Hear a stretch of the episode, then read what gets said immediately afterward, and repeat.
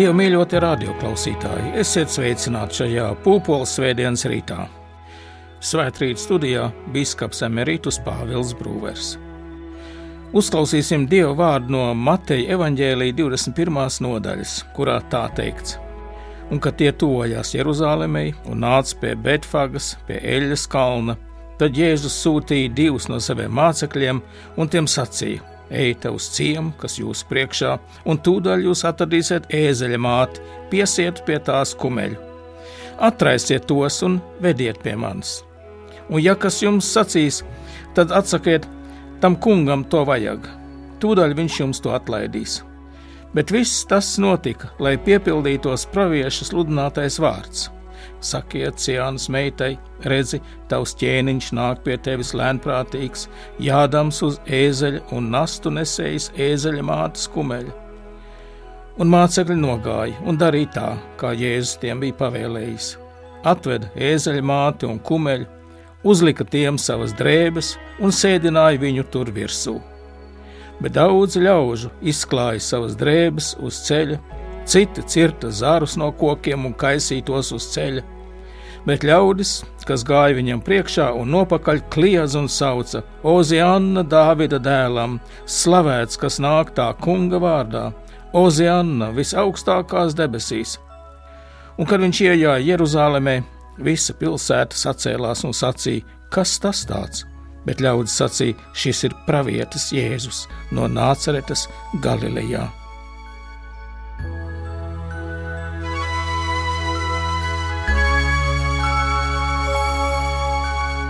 Svētī debes Tēvs savu vārdu visā patiesībā, jo Tava vārda ir un paliek mūžīga patiesība. Āmen!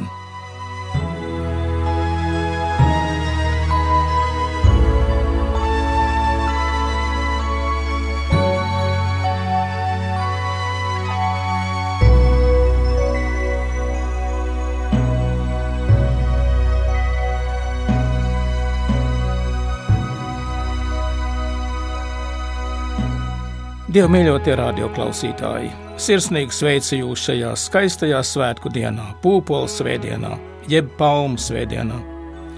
Šī svētdiena savu nosaukumu guvusi no tās tālās dienas, kad Jēzus uz ēzeļa muguras iejāja Jeruzalemē, liela pulka ļaužu sveikts un sumināts ar palmu zariem rokās kā ķēniņš Par pūpolu svētdienu to saucam mēs, jo šajā gada laikā pūpoli tie, kas pie mums ir atdzīvojušies un raisa mūsu sirdīs prieku un cerību, ar ko mēs iepriecinām arī viens otru, sveicot Kristu kā ķēniņu un apzinoties, ka lieldienas ir tuvu. Šajā dienā mums ir daudz ko pārdomāt. Mēs šodien svinam dienu, kad Jēzus Kristus atklājās tautai kā praviešu pasludinātais Mesija. Šis notikums, par kuru lasījām evanģēlijā, tobrīd Jeruzalemē var arī radīt visai neparastu iespaidu. Jēzus bija jūdu varas iestāžu meklēšanā izsludināta persona. Viņš tika izsludināts par tādu, kas katram, kas kaut ko zina par viņa atrašanās vietu, bija jāuzrāda varas iestādēm. Par to priesteri un farizēji bija vienojušies savā sanāksmē pie augstā priestera Kajafas kurā Kājafa teica tos pravietiskos vārdus, ka labāk ir, ja viens cilvēks mirst, ja to prasa tautas labums, nekā visa tauta iet bojā. Tā tad bija izdots rīkojums, ka Jēzus ir jāuzrāda, lai viņu varētu apcietināt. Un pēkšņi šāda persona parādās publiski pašā sabiedrības un varas centrā, un turklāt vēl kā uzvarētājs, ļaužu sumināts un pavadīts Jēzus iejāja Jeruzalemē. Varbūt viens otrs no mums tā brīža emocionālo piesātinājumu var stādīties priekšā, atceroties dziesmotās revolūcijas sākumu Latvijā. 1987. gada 14. jūniju, kad maza, drosmīga, varas iestāžu uzraudzīta un noķengāta ļaužu grupa ar sarkanbaltu sarkaniem ziediem rokās cauri ļaužu alejai devās pie brīvības pieminekļa. Un tas notika padomju režīmu kalpu naidīgo skatu pavadībā bet tauta sirdī gavilē. Palmu zarus aizstāja ziedu klēpji, kas biezā slānī sagūla brīvības pieminekļa pakājē, un tie runāja tikpat skaļi. Šī notikuma lielo nozīmi tobrīd apzinājās nedaudz no klātesošajiem, un tas tā bija gan vienā, gan otrā gadījumā.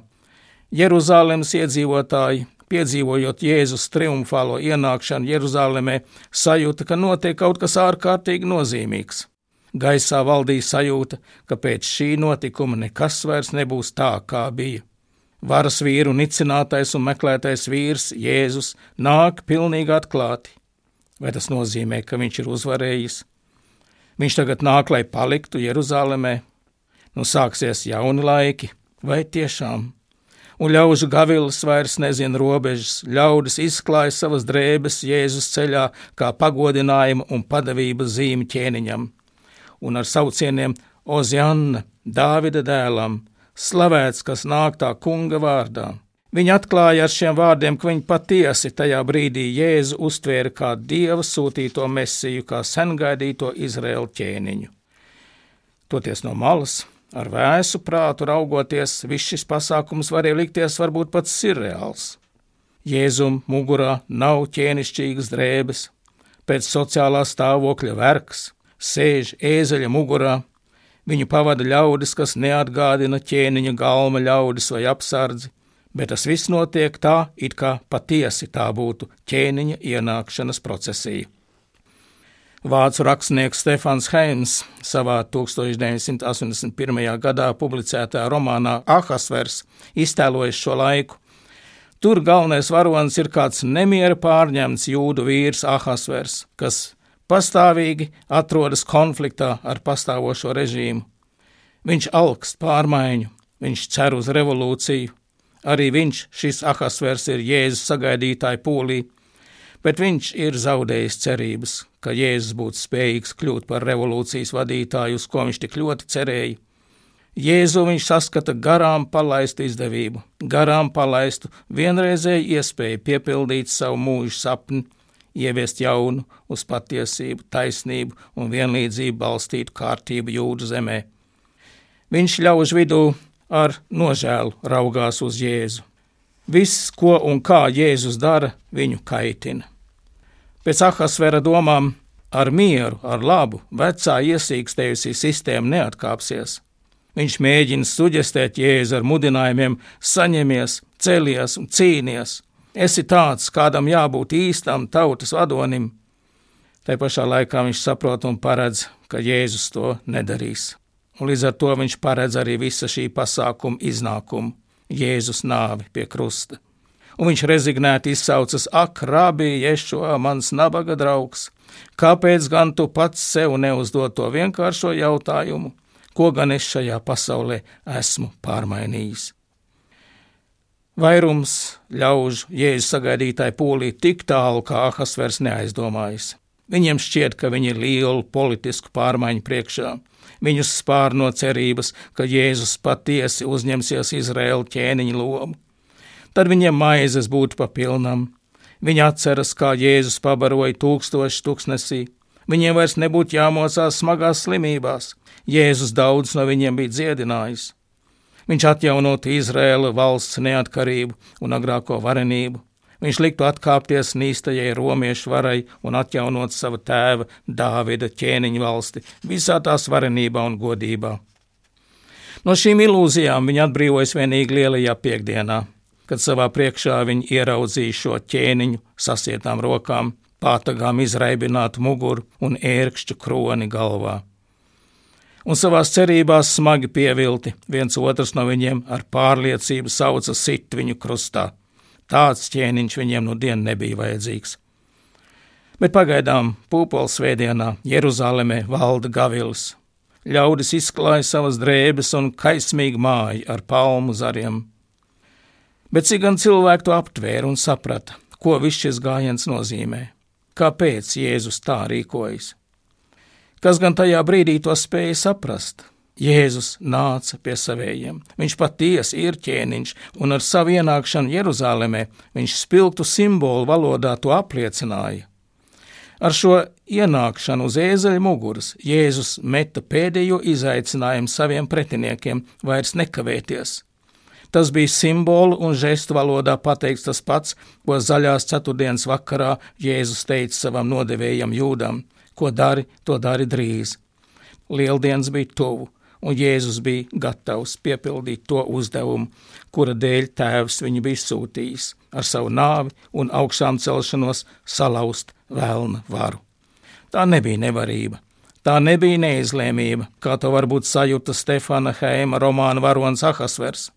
Tas nebija arī nelaimes gadījums, kā to šodien mēģina skaidrot viens otrs Kristus krusta nāves nozīmes noliedzējs. Nē, tas bija cīņas pieteikums uz dzīvību un nāvi. Šīs pasaules valdniekam, vēlnam un viņa grēka un nāves valstībai. Un visu šo procesiju popols svētdienā no attāluma vēro arī rakstumācītāji un priesteri. Lai nu kas, bet viņi saprot šī notikuma simbolisko jēgu un viņiem šis skats duras sirdī kā zobens. Te taču notiek tas, ko pravietojas pravietis Caharija. Priecājies no sirds, Cijānas meita, gavilē Jeruzālēmas meita, redzi, tavs ķēniņš nāk pie tevis, taisnīgs un tavs palīgs. Viņš ir miermīlīgs, viņš jāj uz ēzeļa mātes kumeļa.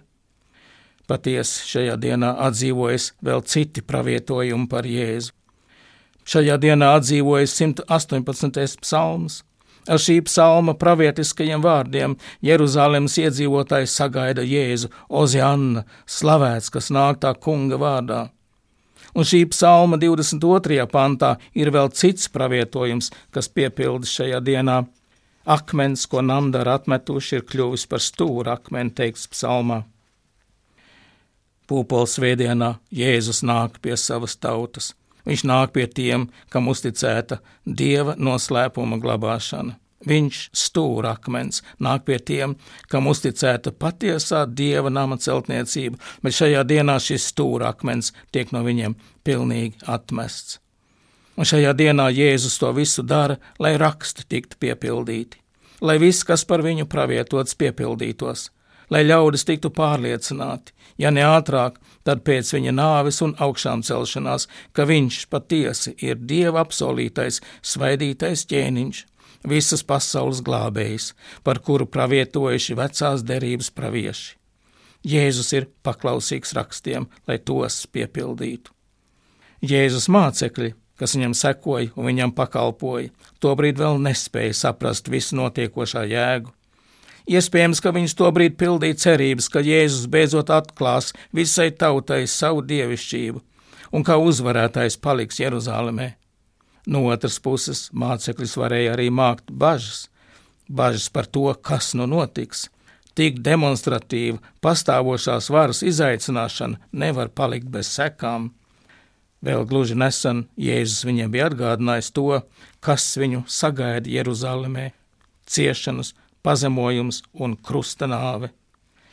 Iespējams, ka šajā brīdī viņiem šāds iznākums likās jau gluži iespējams, un tomēr viņi paliek kopā ar Jēzu, lai notiktu, kas notikdams, vai viņš gūs uzvaru, vai arī sakāvi.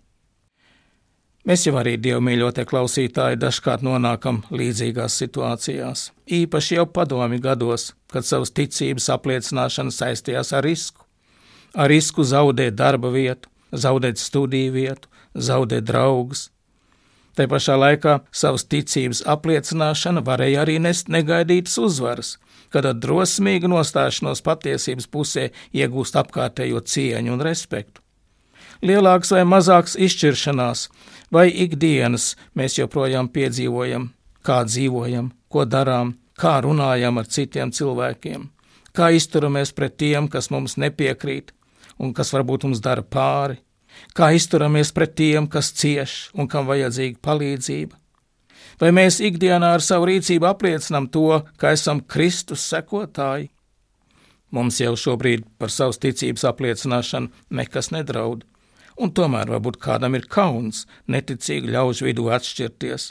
Varbūt sirdsapziņa saka, ka nevajadzētu tā darīt vai tā runāt, bet tajā brīdī rīkošanās saskaņā ar sirdsapziņu varbūt rada nērtu situāciju varbūt arī rada kādus zaudējumus. Īpaši grūti ir jēzu apliecināt par savu kungu tad, kad jānostājas par savu ticību naidīgas sabiedrības priekšā, kas tevi gan izsmej, gan arī var tevi pazudināt, kā tas šobrīd notiek dažās musulmaņu zemēs. Daudziem mūsu brāļiem un māsām, īpaši tojos austrumos un dažviet Āfrikā, šobrīd šāda izšķiršanās nereti jāizdara nāves draudu priekšā. Ir brīži, kad mēs arī neesam gatavi neticīgas vai citādi ticīgas tautas priekšā atklāt, paust savu vienkāršo ticību, savu uzticēšanos Dievu vārdam, baidoties no neizpratnes, baidoties no izsmiekla. Bet Jēzus mācekļi, kas pavada viņu šajā gājienā Jeruzalemē, pūpoles vēdienā, no tā nebaidās. Lai arī iznākums viņiem nav zināms, vai būs uzvar vai sakāvi, viņi uzticīgi seko savam meistaram Jēzum. Neskatoties uz visu, mācekļi dodas šajā gājienā, bet kur viņi dodas? Viņi dodas uz pilsētas sirdi, uz templi. Jēzus dodas uz sava tēva māju. Šajā dienā Mēsī dodas pretī savai atmešanai, lai kļūtu par stūra akmeni jaunajam dievnamam, Kristus draudzēji, viņa baznīcai. Lai arī Stefana Hēma romāna varonim Ahasveram šķiet, ka Jēzus ar savu miermīlību, ar savu pazemību neko nav spējis pārveidot šajā pasaulē, lieldienu rīts visu noliek savās vietās. Šīs mistērijas atrasinājums ir Kristus augšām celšanās, viņa spēkā pārveidot pasauli, viņa baznīca, kas uzcelta trīs dienās un kas pastāv jau 2000 gadu un pastāvēs līdz pasaules galam. Un arī šodien augšām celtais Kristus nāk pie mums, un viņa nākšanas mērķis šodien, tāpat kā toreiz pūpoles svētdienā, ir pati centrālā vieta. Tās ir mūsu sirdis. Vai jūs nezināt, ka jūs esat Dieva nams un ka Dieva gars jūsos mājo, jautā apustulis Pāvils pirmajā vēstulē korintiešiem? Jā, Dieva mīļotie, lai šis pūpoles svētdienas notikums, lai šīs dienas Dieva vārds uzrunā mūsu sirdis, atvērsimies Jēzum savu sirdis, lai viņš var tajās ienākt, apgaismot mūsu sirdis un piepildīt mūsu dzīvi ar pazemību, mieru, prieku, mīlestību un ar karstu vēlēšanos viņam sekot. Lai Dievs mūs visus bagātīgi svētī šajā pūpoles svētdienā, savu vārdu patiesībā. Āmen!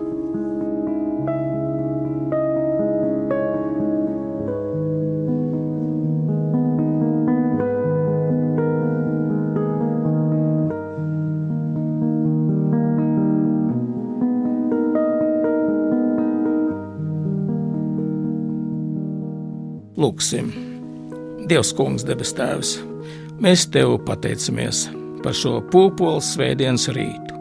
Mēs pateicamies, ka Tu mūs šajā rītā esi atkal stiprinājis un atspirdzinājis ar savu vārdu.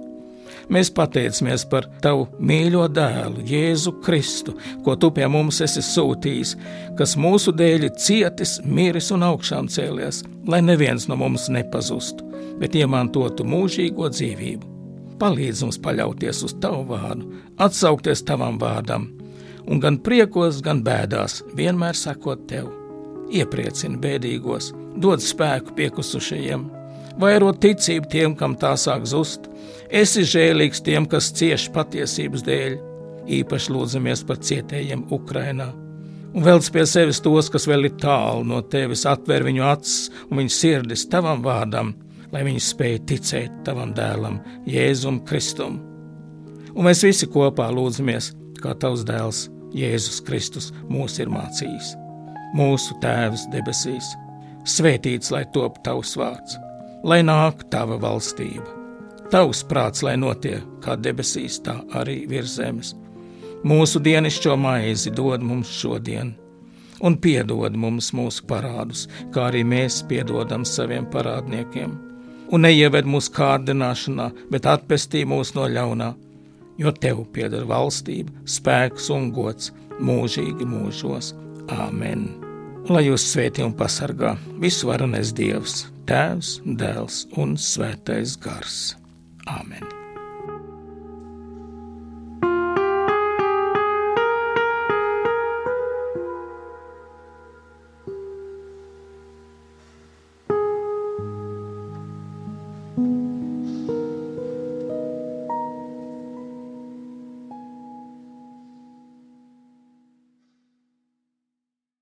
Svētrīt studijā bija biskups Emerītus Pāvils Brūvers.